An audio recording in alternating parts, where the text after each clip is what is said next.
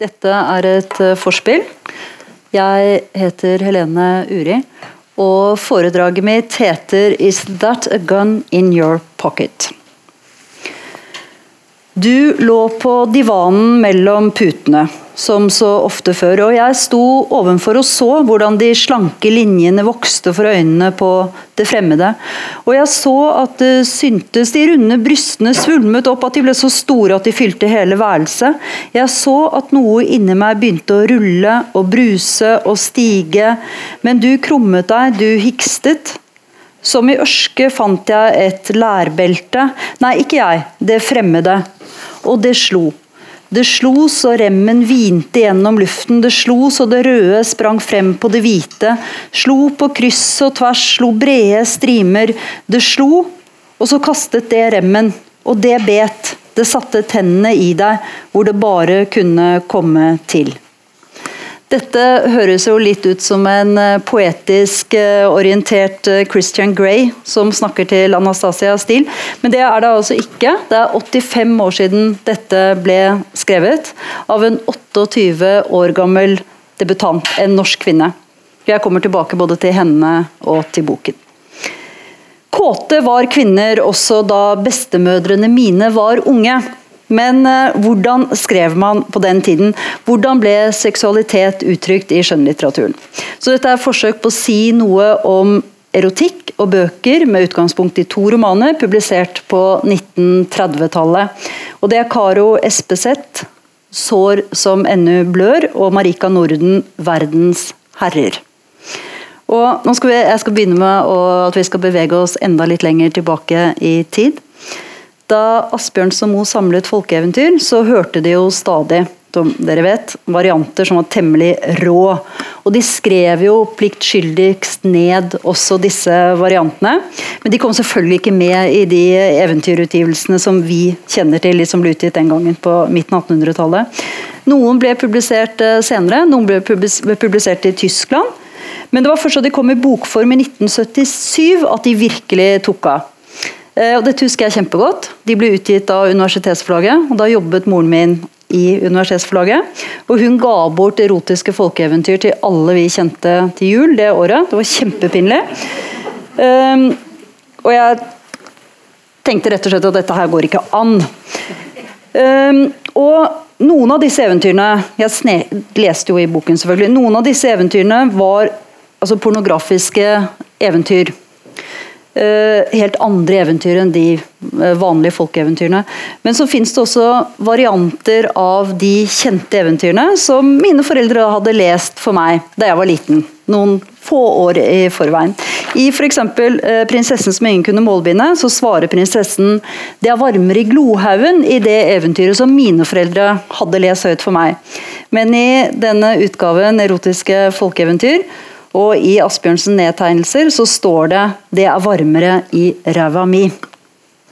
Nå skal vi hoppe 40 år frem i tid fra folkeeventyrene til eh, Amalie Skram. Eh, hennes roman 'Forrådt', som kom i 1892. Og så vet vi jo at hennes fire ekteskapsromaner de ble jo mottatt med sjokk og forargelse. At en kvinne kunne skrive slik og om slikt. Og Det som skildres i hennes ekteskapsromaner, det er jo veldig sterke saker. Her er det barneekteskap. altså Orry i forrådt. Hun er bare 17 år når hun blir gift med Riber, som er dobbelt gammel, nesten dobbelt så gammel som henne. Det er eh, selvmord, det er prostitusjon, det er dobbeltmoral.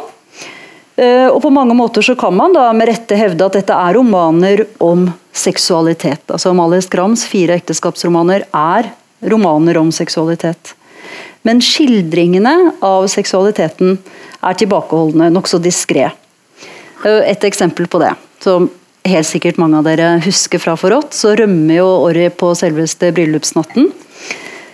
Eh, og hun, en, hun, er jo helt uvitende, men hun har jo en gryende mistanke om at det hun snart skal utsettes for, det, det vil hun Hun har ikke noe lyst til det.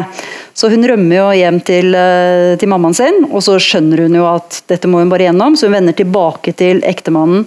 Og da er dette beskrivelsen av bryllupsnatten. En følelse av at hun var fortapt, snek seg over henne, og hennes skrekk ble så underlig lam. Riber var den som hadde makten, og det kunne ikke nytte å sette seg opp mot det. Da det var nådd tilbake til værelset med den gamle brudesengen, kledde hun seg rolig av og la seg. Et øyeblikk etter var hun tett omslynget av Ribers sterke armer. Og Det er slutten på kapitlet, og det er beskrivelsen av Orris seksuelle debut. Så altså, Vi må konkludere med at eh, selv om temaene er dristige og modige, så er selve beskrivelsen altså nokså indirekte eller rett og slett ikke tilstedeværende i det hele tatt. Og For å kontrastere Amalie Skrams beskrivelse Det som foregår da i tomrommet mellom kapittel 1 og kapittel 2 i Amalie Skrams roman, skal jeg lese noe annet høyt. Og nå hopper jeg 116 år frem i tid. Jeg vil suge Mats, men aller helst vil jeg knulle han. Jeg vil ha han og ta han, kjenne han inni meg fra alle kanter og i alle positurer. Kjenne han hardt inni meg og ri han voldsomt og smidig. Jeg strammer lårene og klemmer dem sammen rundt hoftene og magen til Mats. Bøyer knærne som kyllingvinger på hver side av kroppen hans. Stryker hendene mot den glatte, muskuløse magen hans. Han er både hard og myk. Jeg bøyer meg over Mats med puppene dissende over ansiktet hans. Håndflatene setter jeg ned på gulvet på hver side av hodet hans. Jeg strekker ryggen og vipper på hoftene.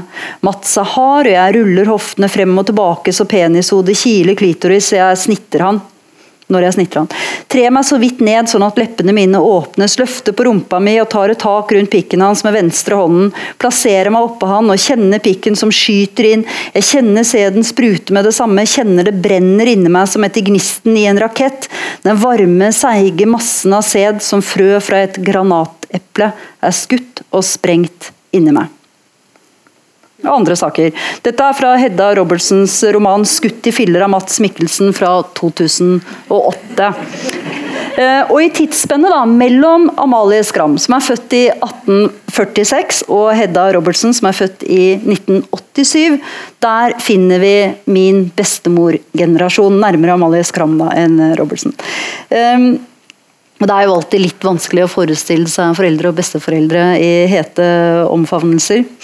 Um, ja, tanken på min uh, korrekte bestefar fra Sunnmøre som jeg husker pleide å bade i badedrakt og badesko. og At han liksom skulle kle seg naken og legge seg oppå min veldig biske bestemor, det er jo egentlig en helt umulig tanke. Ganske frastøtende. Men likevel så håper jeg jo at mine besteforeldre, mine bestemødre, da opplevde lidenskap og kåtskap. Og min bestemor, min mormor, hun ble født i 1893. Og min farmor ble født i 1898. May West, som er, har gitt tittelen til foredraget mitt, hun er født i 1893. Og Hva ble skrevet av erotisk litteratur av norske kvinner født omtrent samtidig som mine bestemødre? Ble det skrevet noe i det hele tatt? Jeg spurte Hilde Seiersted, som er filolog og bibliofil, og som virkelig har som ekspertområde kvinner og bøker, kvinnelige norske forfattere. Og hun foreslo to titler. Karo Espeseth og eh, Marika Norden. Altså 'Sår som ennå blør' og 'Verdens herrer'. Og det er jo dem det skal handle om nå. Eh, så jeg har bare lyst til å si noe om dette med eh, plassering langs tidsaksen og forfatterens forfatternes plassering i kjønnslandskapet. Fordi Jeg har valgt to kvinnelige forfattere. Eh, og Det kan jo hende at jeg kunne sagt noe om en mannlig og kvinnelig måte å beskrive erotikk på. Det har jeg ikke tenkt å gjøre. Jeg tror ikke det er noe særlig eh, jeg tror, jeg tror, ikke det er så lett å trekke noen konklusjoner. Eh, jeg tror det er lettere å skulle si noe om den epoken bøkene er skrevet i.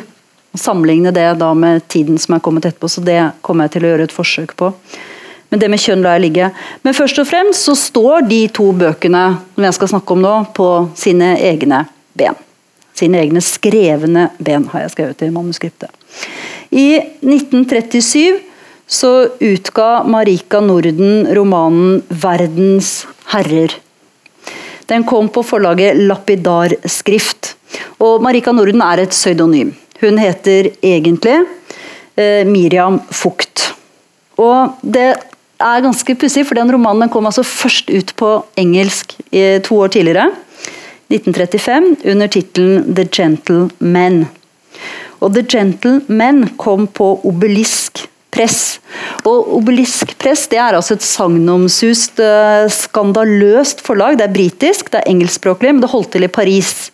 Uh, og det holdt til i Paris for å på den måten unnslippe de britiske uh, sensurreglene. Og dette er et lite undergrunnsforlag som drev med avantgarde-litteratur og med egentlig reneste pornografi. Og både Henry Miller og Anais Nin er publisert på dette forlaget. Og vår venninne Marika Norden hun er da den eneste nordmannen. Så litt om eh, innholdet i boken. Eh, 'Verdens herrer' består av fire brev. Som er skrevet av en jeg-person og henvendt til da fire ulike duer. Eh, og disse duene, det er jeg-personens ekselskere. Eh, Tony, Rupert, Harold og Christy heter de. Også I tillegg så er det en eh, etterskrift i form av brev til da jeg-personens ektefelle Peter. Eh, handlingen foregår i samtiden, altså sent 20-tall frem til midten av 30-tallet, og i England. Alle personene er engelske, med unntak av jeget og hennes norske ektemann, altså Peter. Og dette er overklasse, dette er velstående mennesker. Og jeg vet ikke helt hvorfor dette norske ekteparet bor i England, men det er jo åpenbart at denne ektemannen holder på med noe business av en eller annen type. Eh, jeg-personen klandrer sine elskere etter tur. De var for feige. Eh, forholdet ga henne ikke den kjærligheten hun var på jakt etter. Det er ganske, en ganske anklagende jeg-person vi møter. I Hanne Ørstaviks roman 'Det finnes en stor åpen plass i Bordeaux', så tenker jeg-personen følgende. Og det er ikke puling det handler om. At jeg bare vil knulle. At jeg er kåt som en bikkje. Det er ikke det. Det er en lengsel etter ham. Etter å forenes. Og Dette er altså oppsummert i 2013 Ørstavik-språk. Akkurat det som er Marika Nordens uh, tema i, eh, i, denne romanen. Det er det det handler om. Hun vil, ha, hun vil ha kjærlighet, ikke bare sex. Og hvem var hun så, denne Miriam Fugt som skrev under pseudonymet Marika Norden? Jeg har eh, nesten ikke funnet ut noe som helst om henne. Men jeg fant ut med litt detektivarbeid at hun er født i 1897 og hun døde i 1960. Eh, jeg fant ut at hun var gift, og at ektemannen var generalkonsul, direktør for et stort kjemisk selskap i England. og Ekteparet bodde mange år i utlandet. Og i Hvem er hvem fra 1948 så fant jeg ut at dette ekteskapet ble oppløst i 1937. Eh, og boken må jo ha vært en veritabel skandale da den kom. Dette er, dette er, ikke stor litteratur, men det, det, er heller ikke motsatt. Det er ikke dårlig. Men det forfatteren virkelig lykkes i, det er å skrive frem en autentisitet, altså som gjør at jeg sitter med en følelse av at det hun skriver om, det er rett og slett sine egne opplevelser. Altså Dette er sant. Jeg tror at fortellingen ligger tett opp til virkeligheten, men jeg vet jo ikke, og det spiller ikke så stor rolle. Eh, men samtidig så er det jo sånn at den manglende avstanden mellom fiksjon og virkelighet, den blir jo ekstra brennende når det er seksuelle vaner, når det er bedrag og utroskap som beskrives. Um, og gjenkjennelse, som vi vet alle sammen, av forelegget i virkeligheten, det pirrer. Og et tynt, tynt lag med kamuflerende fernist kan veldig lett skrapes bort. Enten det gjelder uh, vadefugl-lignende studenter i Bergen på sent 30-tall, eller bokhandlere i Kabul. Uh, og jeg skulle ønske at jeg visste noe om mottagelsen i samtiden, men det gjør jeg ikke.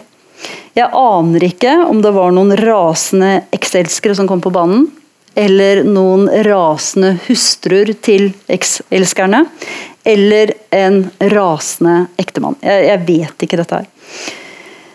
Men jeg vet altså gjennom Hvem er hvem 1948 at hun ble skilt det året boken kom på norsk. Men det behøver selvfølgelig ikke å bety noe som helst. Jeg skal si litt mer om, om boken, og også om det språket hun bruker for å beskrive disse forholdene til sine fire elskere. Da jeg forberedte meg til dette foredraget, så var jeg inne på et nettsted som jeg egentlig ikke visste fantes, som heter ordtak.no. For Jeg skulle, tenkte jeg skulle se om jeg fant noen saftige sitater om erotikk som jeg kunne bruke. Uh, så Jeg søkte da erotikk, for du kan søke sånn emnefelt. Og da kom mitt eget navn opp, gitt. Og blant annet da, med dette veldig kloke, syns jeg, og erotiske gullkornet, som lyder Avstanden mellom erotikk og gammelnorsk er ikke så stor som du tror. Og så sto det under at dette eh, Det sto, hadde stått da i Dagens Næringsliv at dette veldig gjennomtenkte, syns jeg, eh, utsagnet var kåret til den nest eh, mest dummeste uttalelsen i 2006. Ja. Um, men nok om det. Jeg, jeg, har jo Jeg skrev da jeg lagde programteksten at jeg skulle si noe om uh, erotikk og lingvistikk. Jeg skal i hvert fall lese et sitat fra min universitetsroman 'De beste blant oss' fra 2006, som nok er bakgrunnen for uh, dette gullkornet som jeg kom med. da. For det handler nemlig om avstanden mellom erotikk og grammatikk, eller erotikk og gammelnorsk. Bøy fjorder for meg, ber Nanna. Hun legger seg bakover i den melonrøde sofaen og er mer attråverdig enn noen gang, og han husker at brystvortene hennes har samme farge som jordbærkarameller, og at hun har en bitte liten føflekk i lysken. Med den dype stemmen sin bøyer Pål langsomt substantivet fjord på norrønt i fire kasus og i to tall. Fjorder, fjord, fjardar, firdi, firdir, fjordu, fjarda, fjordu. Og på gulvteppet havner det i høyt tempo først ett, og så flere og flere klesplagg. Og Da han har kommet til fjardar, som er genitiv entall, har hun bare undertøyet på. Og da han hvisker dativ flertallsformen fjordum inn i håret hennes bak øret, er de begge nakne. Eh, dette var en slags lingvistisk eh, digresjon, men jeg skal fortsette å snakke litt om språk. Fordi helt uh, uvitenskapelig og helt prøvende så kunne vi kanskje sagt at erotikk i litteraturen kan uttrykkes på tre hovedmåter. Og jeg skal se litt på de forskjellige verbale tilnærmingene til erotikk og seksuell aktivitet i skjønnlitteraturen. Ofte så støtter vi jo på Ø-beskrivelser, nullbeskrivelser, der personene de tar av seg klærne, de kysser, de hopper til køys, og så møter vi dem igjen til frokost dagen etter. Sånn som vi så litt i, i Forrådt i sted. Men hvis vi nå ser på tilfeller der sex opptrer ikke bare mellom linjene, men på linjene, så har jeg funnet iallfall tre måter. Én. Eh, Seksuelle handlinger og tanker kan beskrives ved hjelp av et vart, poetisk, lyrisk språk. Eksempler på dette kan jo være Høysangen, Bibelen, eller Agna Mykles erotiske skildringer, som er veldig vakre. Eh, jeg har valgt ut eh, Anais Nin, som er født i 1903, dvs. Si at hun er i min bestemorgenerasjon.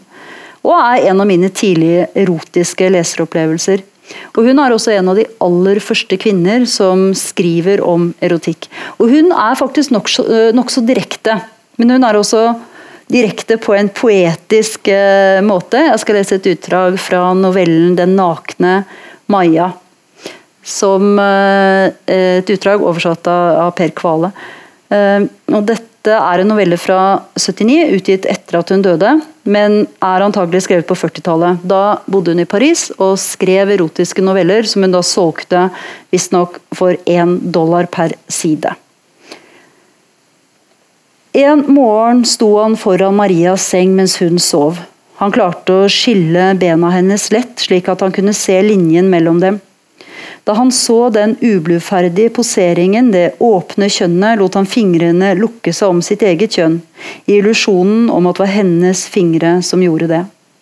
Hvor ofte hadde han ikke ført hånden hennes til sin penis for å få henne til å kjærtegne ham, men hun hadde alltid avvist han og trukket, seg, eh, trukket til seg hånden. Det var ganske fint. Og så den andre måten det går an å beskrive sex på i skjønnlitteraturen. Så kan man bruke folkelige benevnelser, som vi så på i disse usensurerte folkeeventyrene. Eh, litt flere eksempler eh, derfra. Hun var av det romfitte slaget, heter det et sted, om en kvinne med nokså sjenerøse dimensjoner, da, skjønner dere. Eh, du med den store kuken, kom! roper en jente i et annet eventyr. Mi kuse klør så godt, sier prestefruen i et forvekslingseventyr. Uh, og Det er også et eventyr jeg leser nå som handler om en mann som hadde så kort pilt at kona sendte han til en trollkjerring. Og Det var veldig effektivt. Uh, eventyret ender med at kona setter seg over skrevs på ham, og hun slår altså rumpa i taket og skriker 'Nå fær jeg til himmels på min manns pilt'. Ja. Eh, Nokså direkte, altså, som dere hører. Og I sånne tilfeller så skrev da Asbjørnsen svinsk, eller ubrukelig, eller obskønt i margen på notatene, i notatene sine. Eh, og så er det jo spørsmålet om det er forskjell på benevnelser for det kvinnelige og det mannlige kjønn. Gerd Brantenberg har spurt hvorfor kan jeg si fitte når jeg ikke kan si Nei, hvorfor kan jeg ikke si fitte når jeg kan si pikk?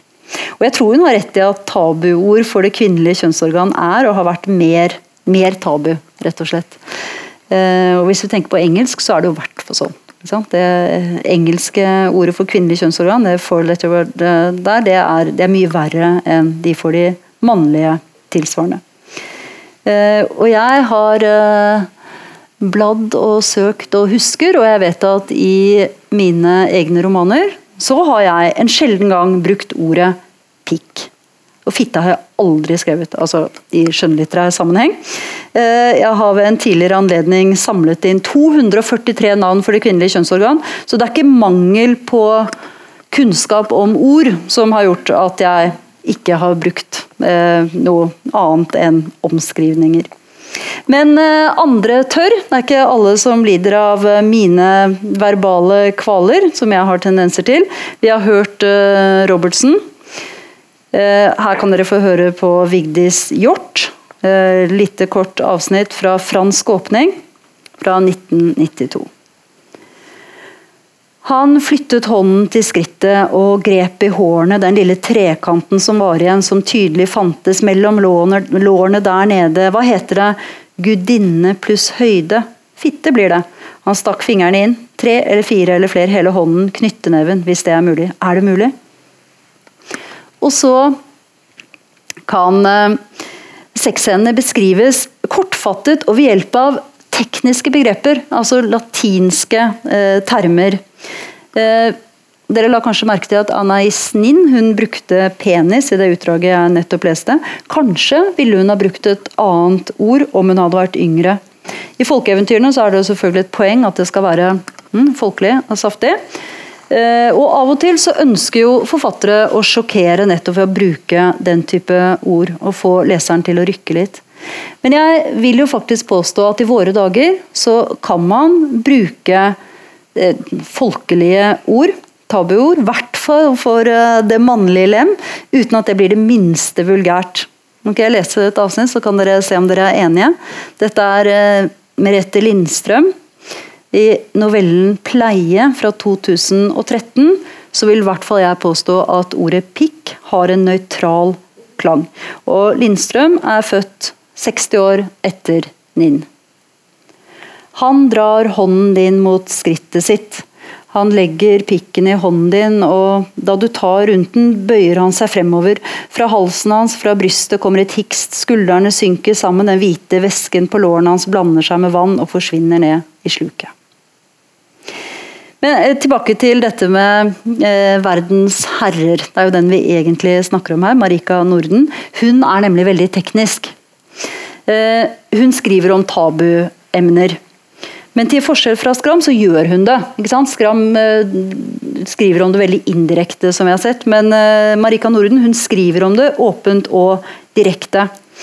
Eh, men Nordens beskrivelser er likevel himmelvidt unna f.eks. Hjorts beskrivelse, som vi akkurat hørte. Hun sneier også innom tabuemner. Men ordene hun bruker, er tekniske, og beskrivelsen er veldig knappe. Men det, dette er også en kvinne som er født i 1897, og vi befinner oss på 1930-tallet. Det er altså mer enn 20 år før rettssaken mot Mykle. Dette er, dette er lenge siden. Hun skriver f.eks. om orgasme, og hun bruker det ordet. Og hun, skriver, hun lurer på om de greske poeter når den høyeste seksuelle tilfredsstillelse av å skrive poesi. Og da skriver hun Det skulle ikke forundre meg om de, som du, når angrepet av et anfall av midlertidig seksuelt begjær, fikk sin orgasme ved å komponere noen lidderlige verseføtter. Og litt senere så skriver hun livet er ikke bare et spørsmål om kopulasjon. Og Hun skriver om uh, homoseksualitet, og hun bruker nettopp det ordet. Hun bruker også ordet lesbisk, og hun skriver om uh, møtet mellom jeg og en lesbisk kvinne som forsøker å overtale henne til å gi opp disse her totalt håpløse mennene. Hun har jo hatt en hel rekke, og heller ta seg kvinnelige elskere. Det månedlige, livmorens månedlige tårer, vondt i maven, røde kameler i stedet for hvite kameler. Det er jo utrolig mange omskrivninger av mensen i skjønnlitteraturen. Men Norden på 30-tallet hun skriver rett frem og uten omsvøp. I nattens løp fikk jeg menstruasjonen, står det å lese. Og ganske interessant synes jeg, for Hun skriver også om onani. I brevet til en av disse ekselskerne, eh, Rupert, så skriver hun jeg var bestyrtet da du sa du kunne neppe tro at det var sant jeg aldri hadde masturbert. Og dette må det ha vært tabu for en kvinne å skrive om. Ikke bare fordi det er mange mange år før Woody Allen spurte hva er galt med onani, det er jo bare seks menn du er glad i. Eh, men Marika Norden skriver om onani 75 år før Olaug Nilsen skriver om sin eh, temmelig morsomme scene om eh, Få meg på for faen, 2005. Om Alma, som jeg tenkte vi skulle nyte sammen her. Det er tross alt et forspill, dette her. Alma springer inn på do og låser seg inne. Hun drar opp skjørtet og setter seg over skrevs på dosetet. Hun legger handa innenfor trusestoffet, presser tommelen på klitoris og håndflata over skjeden. Hun kniper sammen så hardt hun kan, rir handa si, tenker på stønnelyer og høye rop. Tenker på den stive pikken til Arthur, tenker på hvor gjerne hun skulle hatt han inni seg akkurat nå. Hun putter inn en finger, men det er ikke nok. Hun putter inn en til og ser for seg forma til en stor, stiv pikk, men det heller ikke. Det heller bare ikke. Hun må ha ei hand til. Den setter hun seg på, og så flytter hun den første handa slik at hun masserer klitoris med pekefingeren, men det heller ikke. Hun reiser seg, løfter dolokket, drar ned trusa, setter seg ned og tisser. Når hun er ferdig, tørker hun seg så godt hun kan, men heller ikke det er godt nok. Hun går ut av avlukket, vasker hendene. Hun ser med interesse på det sløve, nytingsorienterte andletet i speilet. Hun hviler hendene på vasken. Han er hard og glatt og hvit. Hun griper rundt kantene av vasken og kjenner ei vill trong til å putte hele vasken opp i underlivet.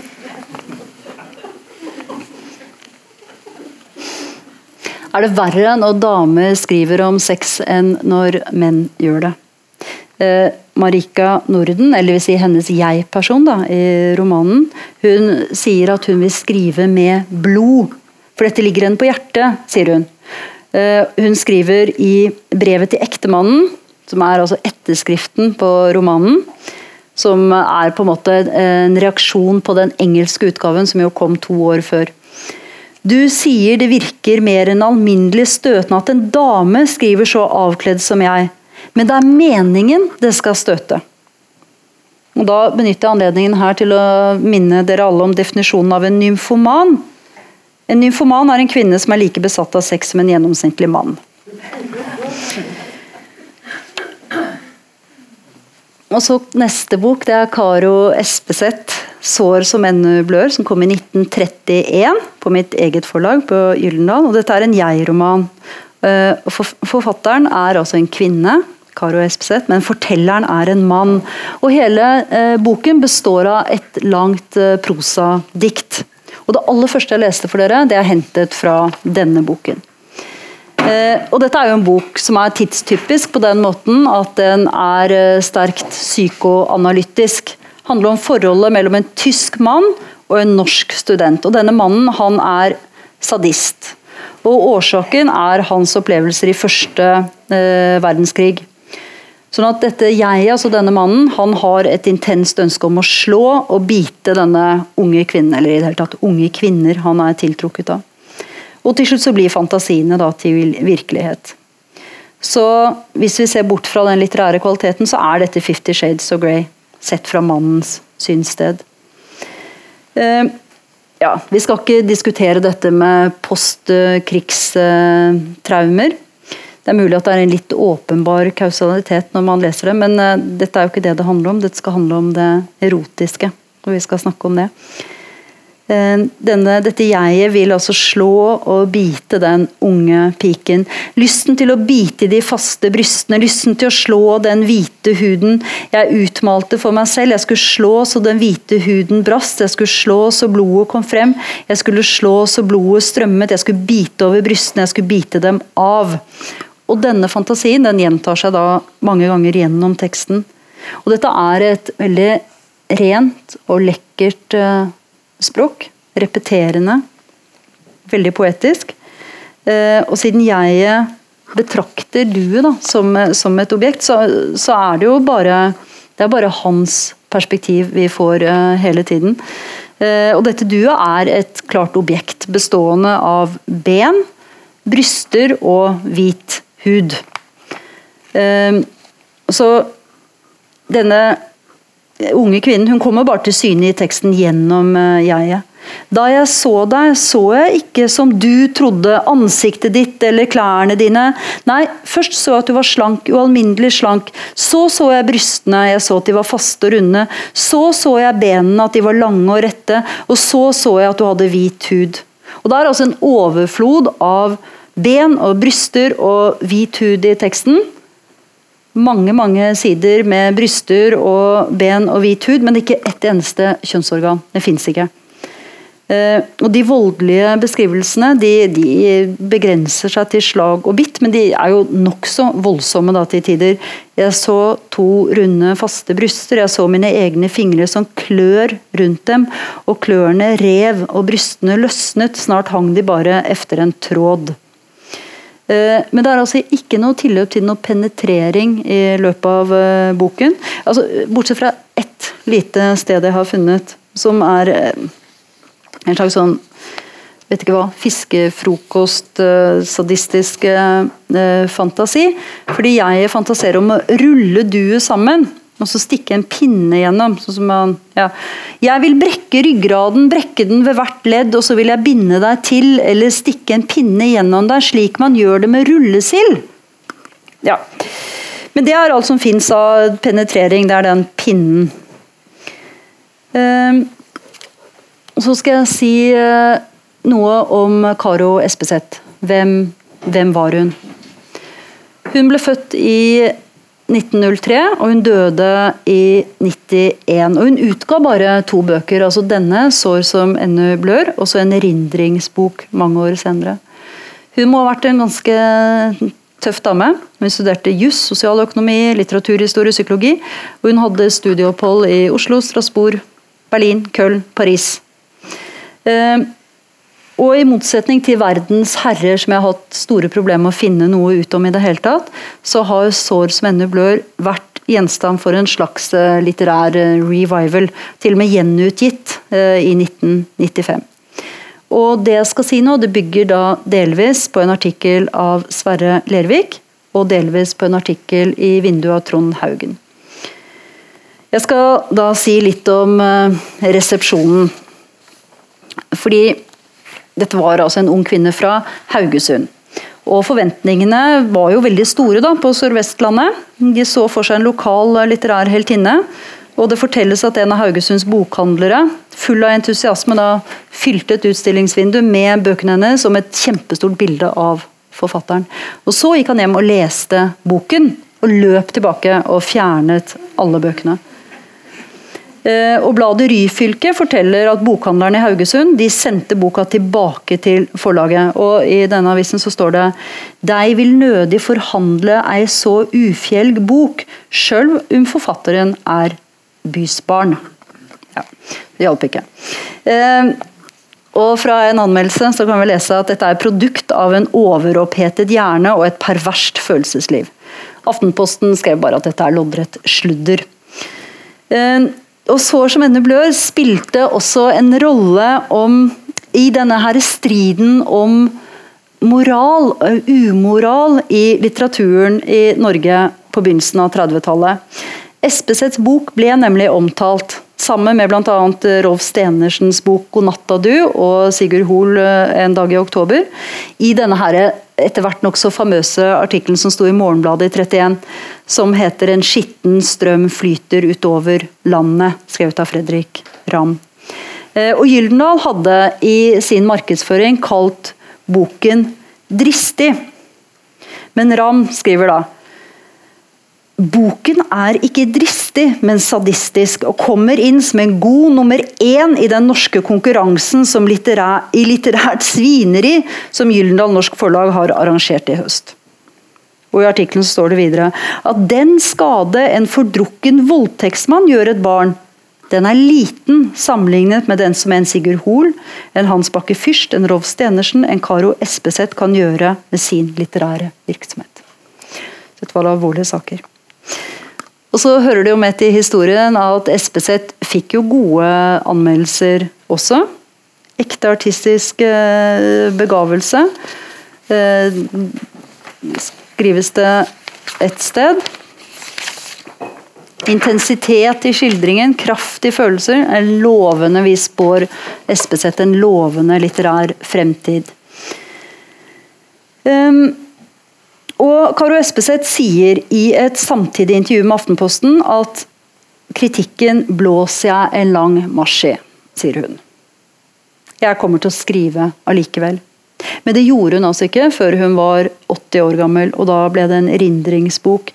Og her innrømmer hun nå at denne kritikken skremte henne. Hun var debutant. Boken hennes fikk enorm oppmerksomhet, som selvfølgelig enhver debutant eh, drømmer om. Men den oppmerksomheten var til dels av en sånn art at hun selv eh, beskriver det som lynsjestemning. Under annen verdenskrig ble boken forbudt, både i England og i Norge. Eh, og Det ble vurdert rettssak mot henne og forlegget, men det ble det ikke noe av. Og Det er jo vanskelig å ikke tenke på en bok som kom da 25 år senere, og som førte til rettssak. Og Mykle mente jo selv og mange med han, at den rettssaken og alt som fulgte, det var jo noe var med på å gjøre at han ikke klarte å skrive så mye som han ellers ville gjort. Mot koster. Erotisk mot koster enda mer. Og erotisk mot av en kvinne på 30-tallet har antagelig kostet svært mye. Så Norden og SPZ har det til felles at de begge har en forteller i første person. Det er en jeg-person. Og dette jeget henvender seg til et du, sånn som i SPZs bok, eller til flere duer, sånn som i Nordens bok.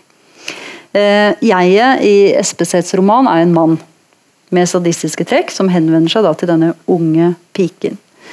Og I Nordens bok så er jeg en forsmådd, en skuffet kvinne som henvender seg til én etter én av sine ekselskere, og til slutt til ektemannen. Og I bøkene så behandles kontroversielle temaer. En gift kvinnes elskere. Menns utilstrekkelighet, både som elskere og som mennesker. Sadisme, seksualisert vold, sadomasochisme, kvinnelig lyst og begjær. Og Bøkene har det til felles at de er overskridende, altså tematisk sett svært overskridende. Og Espeseth er det også i formen, som dere har hørt. Hun eksperimenterer i sånn prosalyrikk. Et veldig rent, ikke-rimende, eh, vakkert språk, syns jeg. Mens Norden skriver nå endefrem prosa. Og Espeseth er det er et litterært verk. Det er dristig og nyskapende, mens Norden ikke imponerer på samme måte, men hun klarer å få frem en sånn eh, ja, en sånn virkelighetsnærhet allikevel. Og så har jo bøkene den pussighet til felles at de begge handler om møtet mellom unge norske kvinner og utenlandske menn. Hos Norden så er det fire briter. Hos Espeseth så er det altså en, en ung tysker. Og Handlingen foregår da henholdsvis i England og i Tyskland eller i Berlin. Og kanskje er det en nødvendig avstand, kanskje er det helt tilfeldig. Så har bøkene også det til felles at det ikke finnes noen kjønnsorganer der. Det finnes, som dere har hørt, bryster og hud og ben, men det er ingenting mellom disse bena. Det fremstår som ja, hull i teksten. Og bestemødrene mine de var helt klart kåte kvinner. Det var alle våre bestemødre, får vi håpe. Og det var også noen som turte å skrive om det også. Så jeg har lyst til å avslutte med å rose disse to kvinnene, født rundt 1900, for deres store litterære mot. Da er jeg ferdig med mitt uh, forspill.